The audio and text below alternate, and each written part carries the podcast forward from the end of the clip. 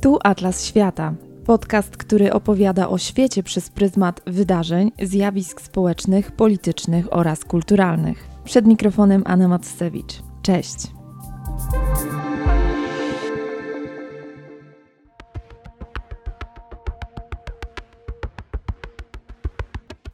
Szwecja należy do krajów konsumujących najwięcej energii w Europie. Jednocześnie jest krajem niskoemisyjnym.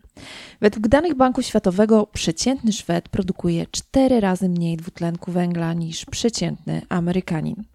Podobno świadomość Szwedów w dziedzinie ekologii i ochrony środowiska jest na tyle silna, że determinuje wybory konsumenckie niezależnie od branży.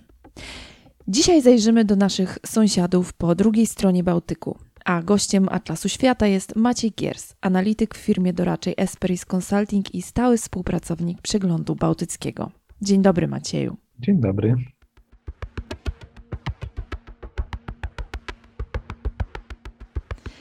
Zacznijmy od tego, jak wygląda szwedzki rynek energii. Skąd Szwedzi mają prąd i czy rzeczywiście jest tak zielony i czysty, jak nam może się wydawać? E, no, Szwedzi mają prąd przeważnie z dwóch źródeł. Tym największym jest e, oczywiście energetyka jądrowa, która odpowiada za mniej więcej 40% tego miksu energetycznego Szwecji. E, aktualnie w Szwecji wciąż działa, działają trzy elektrownie jądrowe, no i one są jakby tym filarem szwedzkiej energetyki. Drugim filarem szwedzkiego systemu jest są hydroelektrownie, tak elektrownie wodne, zlokalizowane głównie na północy kraju. To jest akurat ten łącznik pomiędzy Szwecją a Norwegią, która aż około 95% swojej energii czerpie z, z hydroelektrowni i to są jakby dwa filary odpowiadające za około 80% całości wytwarzanej energii. Pozostała część to, jest biomasa, też tam jakiś symboliczny udział produkcji energii z odpadów. Niemniej też ważnym elementem jakby dla energetyki szwedzkiej no jest fakt bardzo dobrego połączenia z sąsiadami, czyli już wspomnianą Norwegią, Finlandią. Szwecja po prostu funkcjonuje w jednym rynku wymiany energii z tymi krajami, więc obrót energią elektryczną pomiędzy nimi jest na, po prostu na bardzo wysokim poziomie te państwa współpracują ze sobą bardzo blisko. A mówiąc, że ta współpraca jest bliska i że ten obrót energią e, z sąsiadami jest duży, co masz na myśli? Czy to jest taki handel, handel wymienny? Tak, znaczy e, rynki energii elektrycznej funkcjonują w ten sposób, że działają synchronicznie. Nie jest tak do końca, że jeden kraj e, produkuje tylko dla siebie, tylko wszyscy jakby współpracują, aby utrzymać różne parametry sieci, typu napięcie, czy właśnie zapotrzebowanie na energię, żeby utrzymać je wspólnie. Czyli jeżeli załóżmy w jednym regionie Szwecji brakuje energii, ona niejako automatycznie, oczywiście nie za darmo, e, jest e, na przykład importowana z Norwegii czy z Finlandii. No i to działa też e, w drugą stronę. Są przeróżne mechanizmy rynkowe, instrumenty finansowe na energię elektryczną, no o czym zresztą się sporo mówiło w ostatnim czasie wobec trapiącego Europę kryzysu energetycznego, no, który też nie, nie, nie ominął e, Skandynawii. Specyfiką i pewną ciekawostką jest to, że Szwedom energii nie brakuje. No, jakby konsumują mniej niż są w stanie wyprodukować, przez co też są e, no, eksporterami energii netto. To przeważnie Finlandia importuje prąd ze Szwecji. Niemniej nie jest to rozłożone równomiernie, co znaczy, że duże moce wytwórcze w Szwecji, przede, przede wszystkim hydroelektrownie, są zlokalizowane na górskich potokach na dalekiej północy kraju. Podczas gdy południe Szwecji, które jest największym konsumentem, no jest relatywnie, można tak powiedzieć, ubogie energetycznie. I Szwecja ma ogromny problem, no wystarczy spojrzeć na mapę. To jest kraj może nie szeroki, ale bardzo długi z północy na południe, żeby tą energię przesłać po prostu z północy na południe, no co doprowadza może nie do blackoutów, ale do niedoborów na, na, na południu Szwecji, do, które muszą być no jakby rekompensowane na przykład importem z, z Norwegii. Słuchaj, jakiś czas temu trafiłam y, na taki dość zabawnie brzmiący tytuł artykułu, że Zielona Szwecja przeprosiła się i to jest w sumie cytat, przeprosiła się z brudną energią z Polski, brudną w kontekście źródeł oczywiście. I nawet chyba wiadomości TVP informowały, że, że szwedzkie firmy, farmy wiatrowe nie, wy, nie wystarczają, nie wyrabiają i Szwecja w końcu ubiegłego roku była zmuszona do kupowania energii z węgla. Tak, systemy energetyczne w Europie pracują synchronicznie. To znaczy, że jeżeli w jednym miejscu tej energii brakuje, ona automat, znaczy automatycznie, nie do końca automatycznie, bo są ludzie, którzy nad tym czuwają, no ale przepływa z regionu, który tę energię ma i jest ona tańsza, do regionu, który go powiedzmy nie ma i energia jest droższa. No to służy temu, żeby te ceny energii balansować. No i oczywiście zdarzają się też takie sytuacje, jak miało miejsce tej zimy, gdzie po prostu no jest skokowe zapotrzebowanie na energię elektryczną. No i te mocy, które są uruchomione, no nie zawsze starczają. No i właśnie w tej no, medialnej, jakby powiedzmy, sprawie Szwecja, tak, czasami jest zmuszona importować e, energię elektryczną z, z Polski. No, tak jak wspomniałaś, często jest to w szwedzkich mediach przedstawiane jako no, z pewną dozą niechęci, e, że właśnie ta energia z Polski psuje ten zielony, e, zielony wizerunek Szwedów. No niemniej jest potrzebna.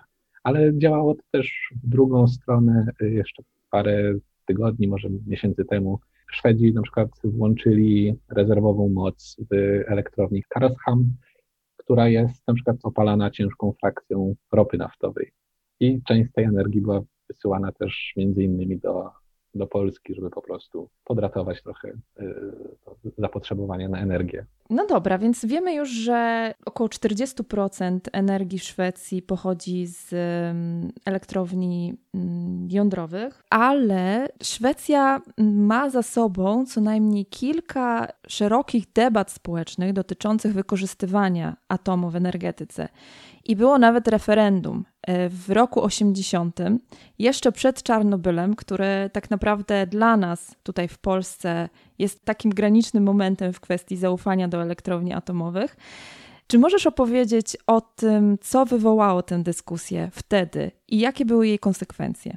No to może e, tak w skrócie przedstawiając historię w ogóle energetyki jądrowej w Szwecji. E, Szwedzi zainteresowali się technologiami jądrowymi wtedy, kiedy no, większość świata się tym zainteresowała, czyli po wybuchu bomb w Hiroshimie i Nagasaki e, stwierdzono wtedy, że to są technologie, no, no, niestety to było wykorzystanie militarne, no, ale są to technologie, które e, no, na pewno mają przyszłość.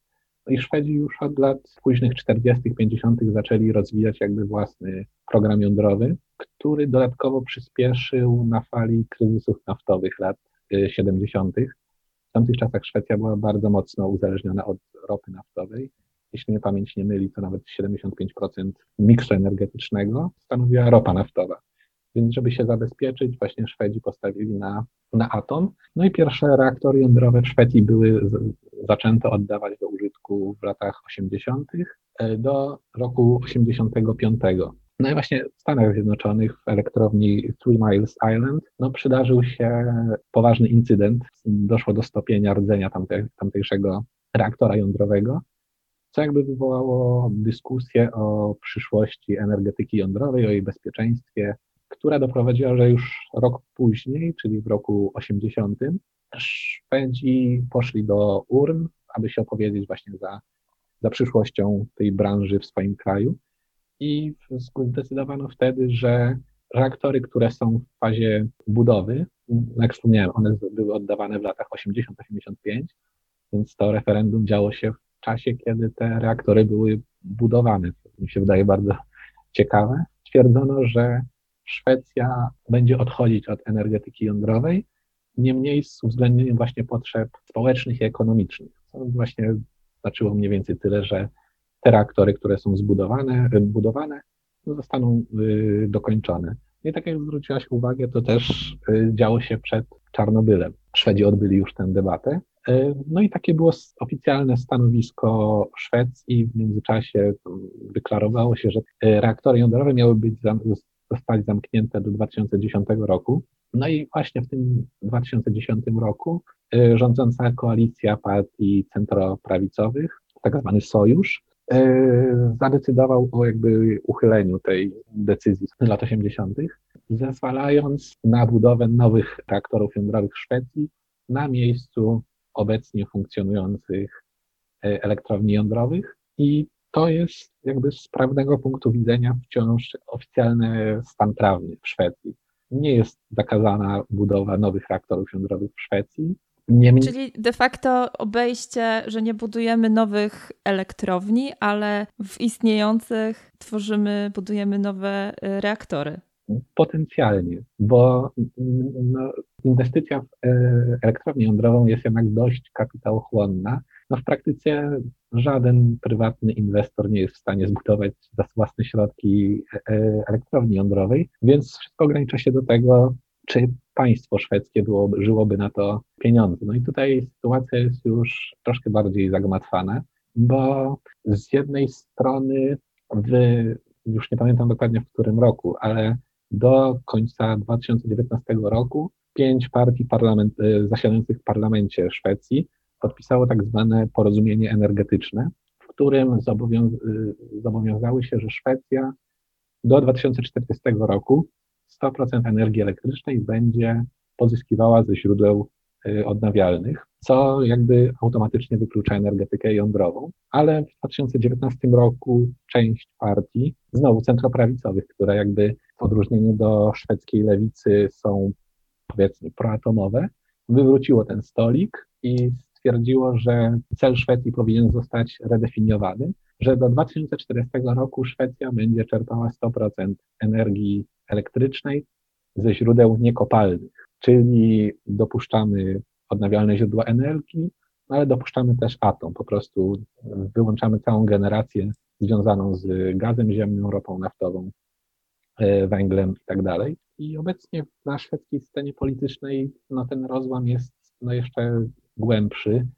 Y, zbliżają się w tym roku na jesieni wybory w Szwecji, więc też nie ma podstaw, żeby sądzić, że ta dyskusja ucichnie, raczej w drugą stronę. I mamy obecnie jednopartyjny rząd socjaldemokratów w Szwecji, którego stanowisko jest względem budowy nowych reaktorów jądrowych w Szwecji dość niejednoznaczne, no bo sama pani premier deklaruje się jako przeciwniczka atomu, co na przykład nie przeszkodziło ministrowi energii z jej gabinetu stwierdzić ostatnio, że widzi perspektywy dla budowy nowych reaktorów jądrowych w Szwecji. Więc rząd socjaldemokratów jest podzielony, jego stanowisko tej partii nie jest do końca jednoznaczne, za to w miarę jednoznaczne jest stanowisko opozycji, czyli te cztery największe partie mm, opozycyjne, prawicowe, centroprawicowe, no są zdecydowanie proatomowe i jeśli miałyby na jesieni objąć władzę, co nie jest nieprawdopodobne, no to być może ten kurs Szwecji na rozwój energetyki jądrowej by się troszkę zmienił. A jak się na to zapatruje społeczeństwo, obywatele Szwecji, którzy jakiś czas temu tak e, się opowiedzieli za wygaszaniem elektrowni atomowych, a teraz jakby śledząc też tę dyskusję polityków, jak, e, jakie są nastroje w społeczeństwie? Jak w każdym społeczeństwie no, energetyka jądrowa z pewnych względów y, budzi zawsze dyskusję, no są podzielone, niemniej Szwedzi są raczej raczej pozytywnie nastawieni do atomu. No jednak no, po pierwsze zapewnia im 40% energii elektrycznej, jaką mają, no i żyją z tymi technologiami już ponad 40 lat. I nie doszło w Szwecji do żadnych poważniejszych incydentów związanych z jakby bezpieczeństwem jądrowym czy radiacyjnym, więc y, to nastawienie do do, do, do energii jądrowej, jest, bym powiedział, jest, no, nie jest może jednoznacznie pozytywne, ale ale raczej pozytywny. Mhm. No jest jeszcze jeden y, wątek związany z mm, energią atomową. Gdzieś trzeba też składować odpady promieniotwórcze. I y, znalazłam informację, że takie składowisko mm, dla takich odpadów powstaje właśnie, zbudowane w Forsmarku. E, jest to 130 y, km od Sztokholmu ma być innowacyjne i e, minister, ministra środowiska zapewniła wręcz, że te odpady tam będą bezpieczne nawet 100 tysięcy lat. Już nawet pomijając ten fakt, że przez 100 tysięcy lat e, gdzieś tam pod, pod ziemią będą składowane niebezpieczne odpady, ale Szwecja myśli o tym, co, co dalej. Tak, no, rzeczywiście ta decyzja szwedzkiego rządu, bardzo wyczekiwana, została wydana teraz pod koniec stycznia. No, wyczekiwana była przede wszystkim dlatego, że to składowisko niejako no, przedłuża życie y, szwedzkim elektrowniom jądrowym. Y, bo jakby y, trzeba rozróżnić, że wydano zgodę na budowę końcowego, finalnego składowiska odpadów jądrowych, gdzie, jak wspomniałeś, mają bezpiecznie trwać nawet 100 tysięcy lat, zakopane właśnie w skałach koło elektrowni jądrowej w Forsmark. I gdyż do tej pory odpady z y, szwedzkich elektrowni jądrowych były właśnie przechowywane w takich tymczasowych składowiskach, zlokalizowanych najczęściej na terenie samej y, elektrowni. Jakby ich pojemność się powoli wyczerpywała, więc no, budowa, znaczy podjęcie takiej decyzji o budowie ostatecznego składowiska było konieczne, zwłaszcza, że alternatywa, która była rozważana wobec y, tego finalnego składowiska, rozbudowa przestrzeni w jednym z y, składowisk tymczasowych, no jakby spotkała się z oporem tamtejszej, tamtejszej gminy, gminy Oskarshamn, która stwierdziła, że będzie blokowała ten proces, nie wyda zgód będących w gestii jakby samorządu, e, bez gwarancji, że powstanie to finalne składowisko w innym miejscu, tak? Gmina po prostu nie chciała być przez bliżej nieokreślony okres czasu składowiskiem tymczasowym. Więc tutaj też dochodził wątek taki, no powiedzmy lokalny, polityczny. Jeszcze jeden ciekawy dla mnie mm, wątek, o którym dowiedziałam się z jednego z Twoich artykułów w przeglądzie bałtyckim, jest to, że, e, że Szwecja może być w posiadaniu największych na świecie niekonwencjonalnych złóż uranu. I pomimo to odchodzi od atomu. Co więcej, od kilku lat y, szwedzkie prawo zakazuje wydobywania, wzbogacania i przetwarzania, czy też próbnych odwiertów uranu na terytorium Szwecji. Dlaczego w ogóle takie prawo zostało przyjęte? Y, tak, no myślę, że tutaj wchodzą w grę dwa czynniki. Pierwszy, no to jakby koszty środowiskowe. Y, wydobycie uranu wiąże się z licznymi ryzykami właśnie środowiskowymi, czy dla no, zdrowia ludzi, bo jednak y, to nie przy wydobyciu y, może on przeniknąć do wód gruntowych. Zresztą w Szwecji były, były prowadzone prace poszukiwawcze, nawet wydobycie uranu w latach 50., 60. No i pewne badania przeprowadzone przez Szwedzki Urząd Geologiczny wykazały, że stężenie uranu jakby w glebie i wodach gruntowych przekracza w tamtych miejscach dopuszczone normy. Sugerowano też pewną korelację z, z, z wyższą zachorowalnością na nowotwory w, w, tych regionach, więc jakby koszty środowiskowe dla zdrowia to jedna sprawa, druga, myślę, że po prostu Szwedzi no, policzyli pieniądze. Te największe na świecie złoża uranu są ulokowane w tak zwanych łupkach aunowych, które trzeba poddać procesowi obróbki, no co jest dodatkowym, kosztownym procesem, który no, nie jest opłacalny przy jakby zapotrzebowaniu Szwecji. No zwłaszcza, że Szwecja jako członek Unii Europejskiej też może korzystać w ramach Euratomu ze wspólnych zakupów paliwa jądrowego, więc wydobycie uranu ze złóż niekonwencjonalnych no, wydaje się mało opłacalne. A czy to prawo dotyczy też innych złóż? znaczy uchwalone w 2019 roku prawo jakby kompletnie wykreśliło uran z listy metali objętych koncesjami. W Szwecji nie można nawet się już ubiegać e, o koncesję na poszukiwanie uranu. Jeśli chodzi o inne surowce, inne zasoby e, ziemi, no to Szwecja zapowiedziała, że w 2022, czyli już niedługo, zakaże jakiegokolwiek poszukiwania i wydobycia ropy naftowej, węgla i gazu ziemnego. Przy czym tę decyzję należy traktować raczej jako miły gest, bowiem Szwecja nie wydobywa ani gazu ziemnego, ani ropy, ani jednej tony węgla, więc de facto taka decyzja nie wiąże się z żadnymi kosztami dla, dla Szwecji.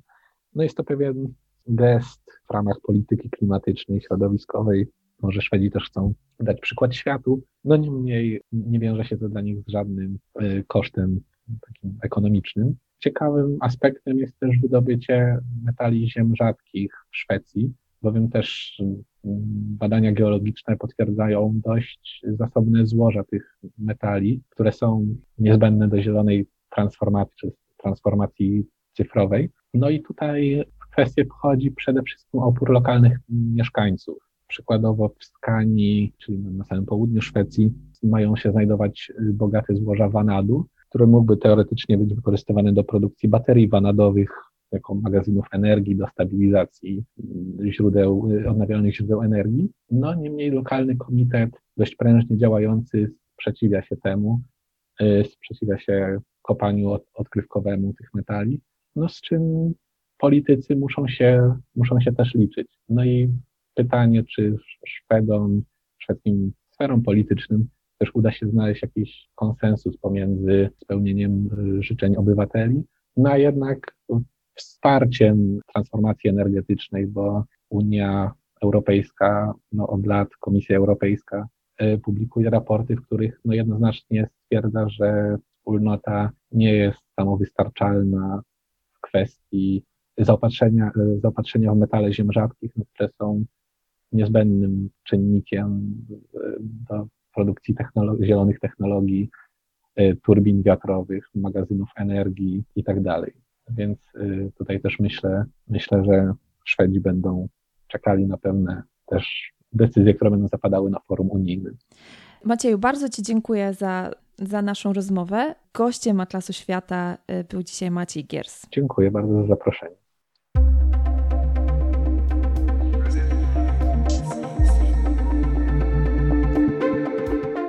Wszystkie odcinki podcastu Atlas Świata znajdziecie na stronie atlas-świata.pl, na YouTubie, na Spotify i w innych serwisach, gdzie lubicie słuchać podcastów. Obserwujcie, komentujcie i dzielcie się linkiem do Atlasu z innymi.